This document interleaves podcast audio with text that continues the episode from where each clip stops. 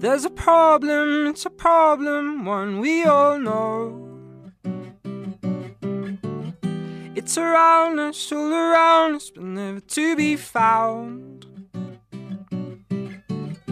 It's a feeling so deceiving when you close your eyes. Unrelenting, no defending against what you can't find. Don't pretend that time is not coming, cause it's all around. It's coming faster than the speed of sound.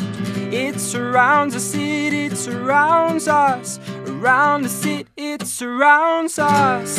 Oh, oh, oh, time is coming and it ain't no game. I've been running, I can't complain. We are running, we are running this race. Oh, in my mind, inside my mind. Been running, me to can't escape.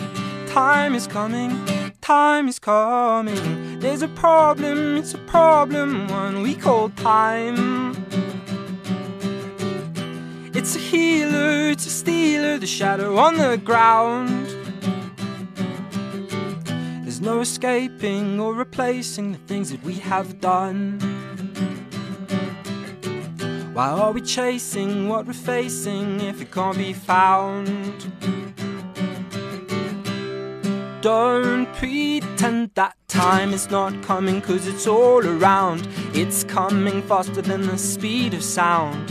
It surrounds us, it, it surrounds us. Around us, it, it surrounds us. Oh, oh, oh, oh, time is coming and it ain't no game. I've been running, but I can't complain. We are running, we are running this race. Whoa,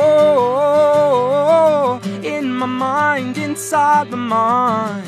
Been running, but I can't escape. Time is coming, time is coming.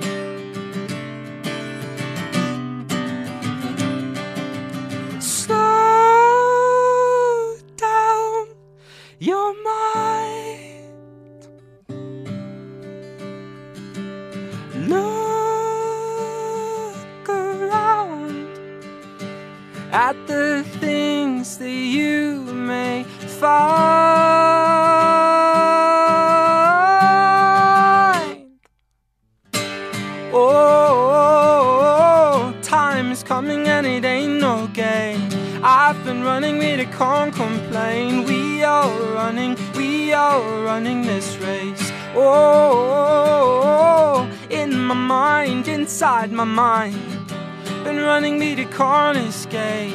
Time is coming, time is coming. Charlie Finch hierso by Oppiradio op RSG. Charlie, welcome. It's the first time that um, I'm having you on the show.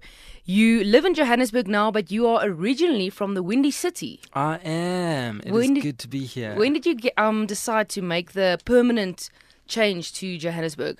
Um, it must have been last year, March. Last year, March, I moved up here. Um, and it was very, very cool thing because I'd actually never been to Johannesburg. Oh, really? No, I'd never ever been here. I just, um, w- yeah, we just came up. But uh, I had been to Pretoria, um, which is where I recorded my album. Um, so I had been there, and I thought that was cool. Um, so we moved to Joburg, and it is very, very nice here. Uh, what was the main um, decision? How did you make that decision? You've never been here, but Mm. going from, okay, I need to make a change. I want to pursue, not pursue, but this is my job. I'm a musician.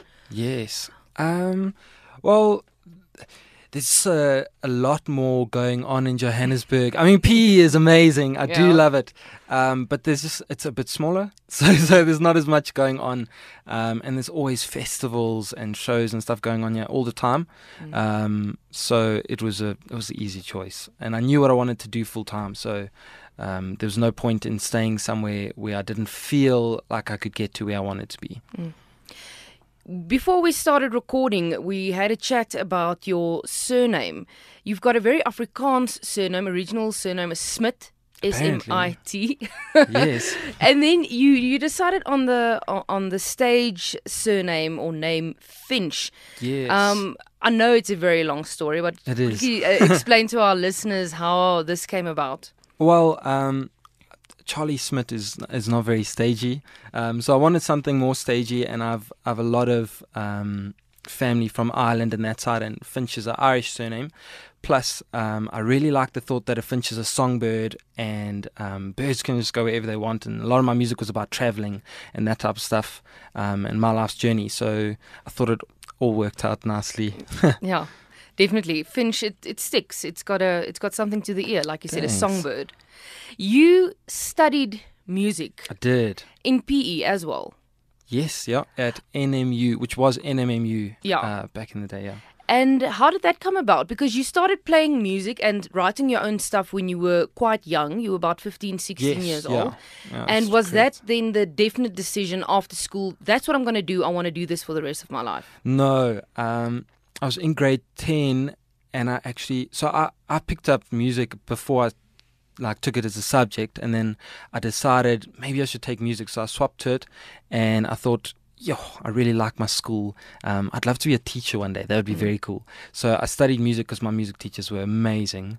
Um, and then, well, it was actually a music teacher who heard me singing in the halls and said, You must come to my class and sing. And I thought, Geez, I can't sing. Um, that sounds like a terrible plan. But I did anyway. Um, and then I got into it. And I went to study at NMU. Just, I thought I'll be a music teacher one day. And a little bit into that, I thought, Geez, I want to do this for a living. Like, I want to make music, not just teach it. Um, not that there's anything wrong with teaching it. That's very cool. Uh, but I think it's a calling, and my calling was to something else. Um, so that's how I got here. I think you really need a passion for it, hey? uh, maybe in my older age, Mm. um, but right now I'm just having the best time doing what I'm doing. So, When did you discover you can sing? um, yeah, when I was around 15, Mm. um, uh, teacher Miss Kendall at the time heard me singing in the hallways and was like, "Dude, come to my office." And I, I'd been told for a very long time that I could not sing, which probably was true um, because I'd lost all my falsetto. I used to sing in falsetto a lot, um, and then my voice went weird and everything changed. You know, being a guy, um, so I had to sing like every single day. It was a lot of practice and stuff to Mm. get everything um, my falsetto back and that type of stuff. So yeah, Instruments. Uh, you studied um, music. What instruments can you play? That's a that's a hard question because a lot of people say they can play things, but they can mess around on things. I can mess around on a lot of things. okay, what what Um, what instruments can you did you perfect? uh, I studied drums and classical vocals, and obviously I play the guitar. And I took like keyboard harmony, um, and for a while I got into the mandolin and the ukulele. Um, but I wouldn't say like I'm a mandolin player or I'm a pianist, um, but I can play the drums and the guitar. The guitar's the the instrument that you use when you when you're performing live. Yes. you you play it uh, in most of your songs. Mm. Is it something that you keep on uh, perfecting, growing, teaching yourself new chords, getting to know the instrument better? I feel like um, I definitely do, but a lot of musicians, like you'll play the guitar and you find you get to a point and you just kind of stay there, you stagnate for a while um, until you decide to push yourself a little further. But I think, yeah, you definitely do. I'm not actually writing much on the guitar right now. I'm actually writing on the piano. I find it's opening up a lot of different doors um, with my songwriting. So that's exciting. You grew up in a musical family. You said who? Very. uh, do you have brothers and sisters? Let me ask that first. Yes, I've got an older sister and two younger brothers. And do they also play music? All of them. Wow, yes, that would- must have been fun growing up. Yeah, very fun. We had um, our back lounge is literally it's got a, a drum kit, a bass setup, electric setup, and there's always guitars hanging on the walls. But there's always uh, the backline keyboard as well, always set up, um, and we jam all the time. A lot of fun. Are they also up here in Joburg, or they still No, in PE? they still. Well, my younger brothers live in Port Elizabeth, and my sister lives in America. Oh wow! Yes. Is she pursuing music? Um, she's a full-time worship leader Oh at wow! one of the big churches up there. Yeah. she's oh, great voice. Listen and tell me about uh, the writing of your of your um debut album. Mm. This was um it was released last year, and then something huge happened. You got nominated for a SAMA. Now, Yeah, some people get some people get nominated for a few other awards and then win a few other awards. You just went straight right in for the big one. Oh, it was mind blowing. Yeah, it was very very cool. Um, it was so crazy because um, when I was, I actually wrote an EP, and I thought I really want to um, pursue music, so I thought I'll write an EP, record it, and while I was recording it, I found out um, that you can't submit an EP to the SAMAs. You need an album. So I thought, let me try. Let me just try. So I wrote uh, the rest of the album and I recorded it in hope that I would possibly um, get nominated, and it, I did, which actually blew my mind because I wasn't. I didn't really expect. I thought maybe I'll give it a shot, um, but it happened, which was just crazy. No, if you don't take a chance, if you don't have a ticket in the draw, you can't win, eh? Very true. you were uh, nominated with a few big names. Wouter Kellerman, the Grammy award-winning artist that, that Oh, went home with with um, the win at the Samas in your category. Yes, but tell me about the, the the writing behind your your album because you write all of your songs I do, yourself, and you write about life experiences. Mm. What is the main theme when you look now at the album? Um, it really, like the title, "Life's Journey." It really is just a lot about my life's journey, things I've I've witnessed and seen and felt and dealt with. Um, so, one of the songs is, for instance, is about um, someone I knew passed away from cancer, which is really hectic. And other stuff is a whole lot. Sorry, I made made it sound like the album's very deep and dark. It's not. Um, most of the stuff is upbeat. Um, other stuff is just about a relationship or time. I got a big thing with time. I think time is crazy. Um, so a lot of it is about that type of stuff. I didn't want to be like one of those artists who just writes about love the whole time. Um, I thought there's a, not that there's anything wrong with it, but I thought there's a lot of stuff to write about, um, and I want to write about it. And um, you said in an interview previously that you like to keep your shows upbeat, especially at festivals, where um, you know people can sing along, people can um, you know not just pull out their lighters and Yes. you know it's like a, a Adele concert. I still don't know Yeah. what people do at Adele concerts, but anyway, I mean you like you like it to keep, to keep it upbeat. Is this something that you that you're doing on purpose, or is this just how your music comes out at the end? Um, I think I'm a like I'm pretty happy as a person, so that's probably why stuff comes out a bit more upbeat. Uh, but as for live shows, I just want people to enjoy it and really um to be a part of it. And the best way for me to do that and to create a vibe is just to keep everything upbeat. So our live shows actually it's a whole lot more upbeat than the album. Um, yeah, we like to keep it like that. You say you're a very a friendly person, and, and meeting you in person for the first time, I can literally, uh, I literally, obviously feel that energy. I need to ask. This is completely irrelevant from your music. Mm. Why are you always so serious on your photos for the media? That is such a good question.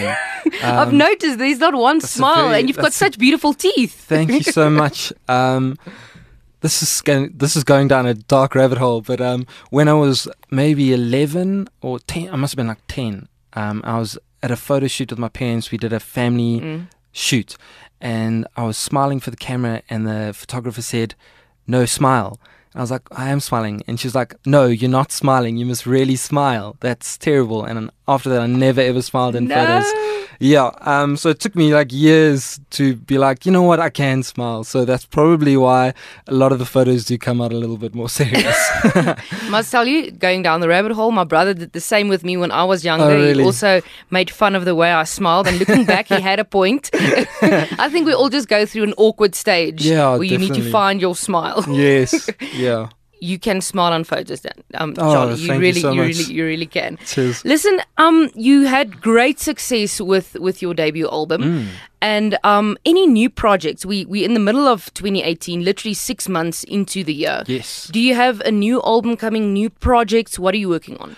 I am in the middle of a project right now. Um, I'm meeting up with a friend of mine, Sino Guas, and he's a he's a brilliant um, videographer and photographer, and we're about to work on something together. Um, I said videographer, so you probably know what I'm working on. Um, but I am I'm I'm in the middle of um, writing a new song right now. Well, the song's written. I'm in the middle of sitting down with the producer and doing that side. So that's very exciting.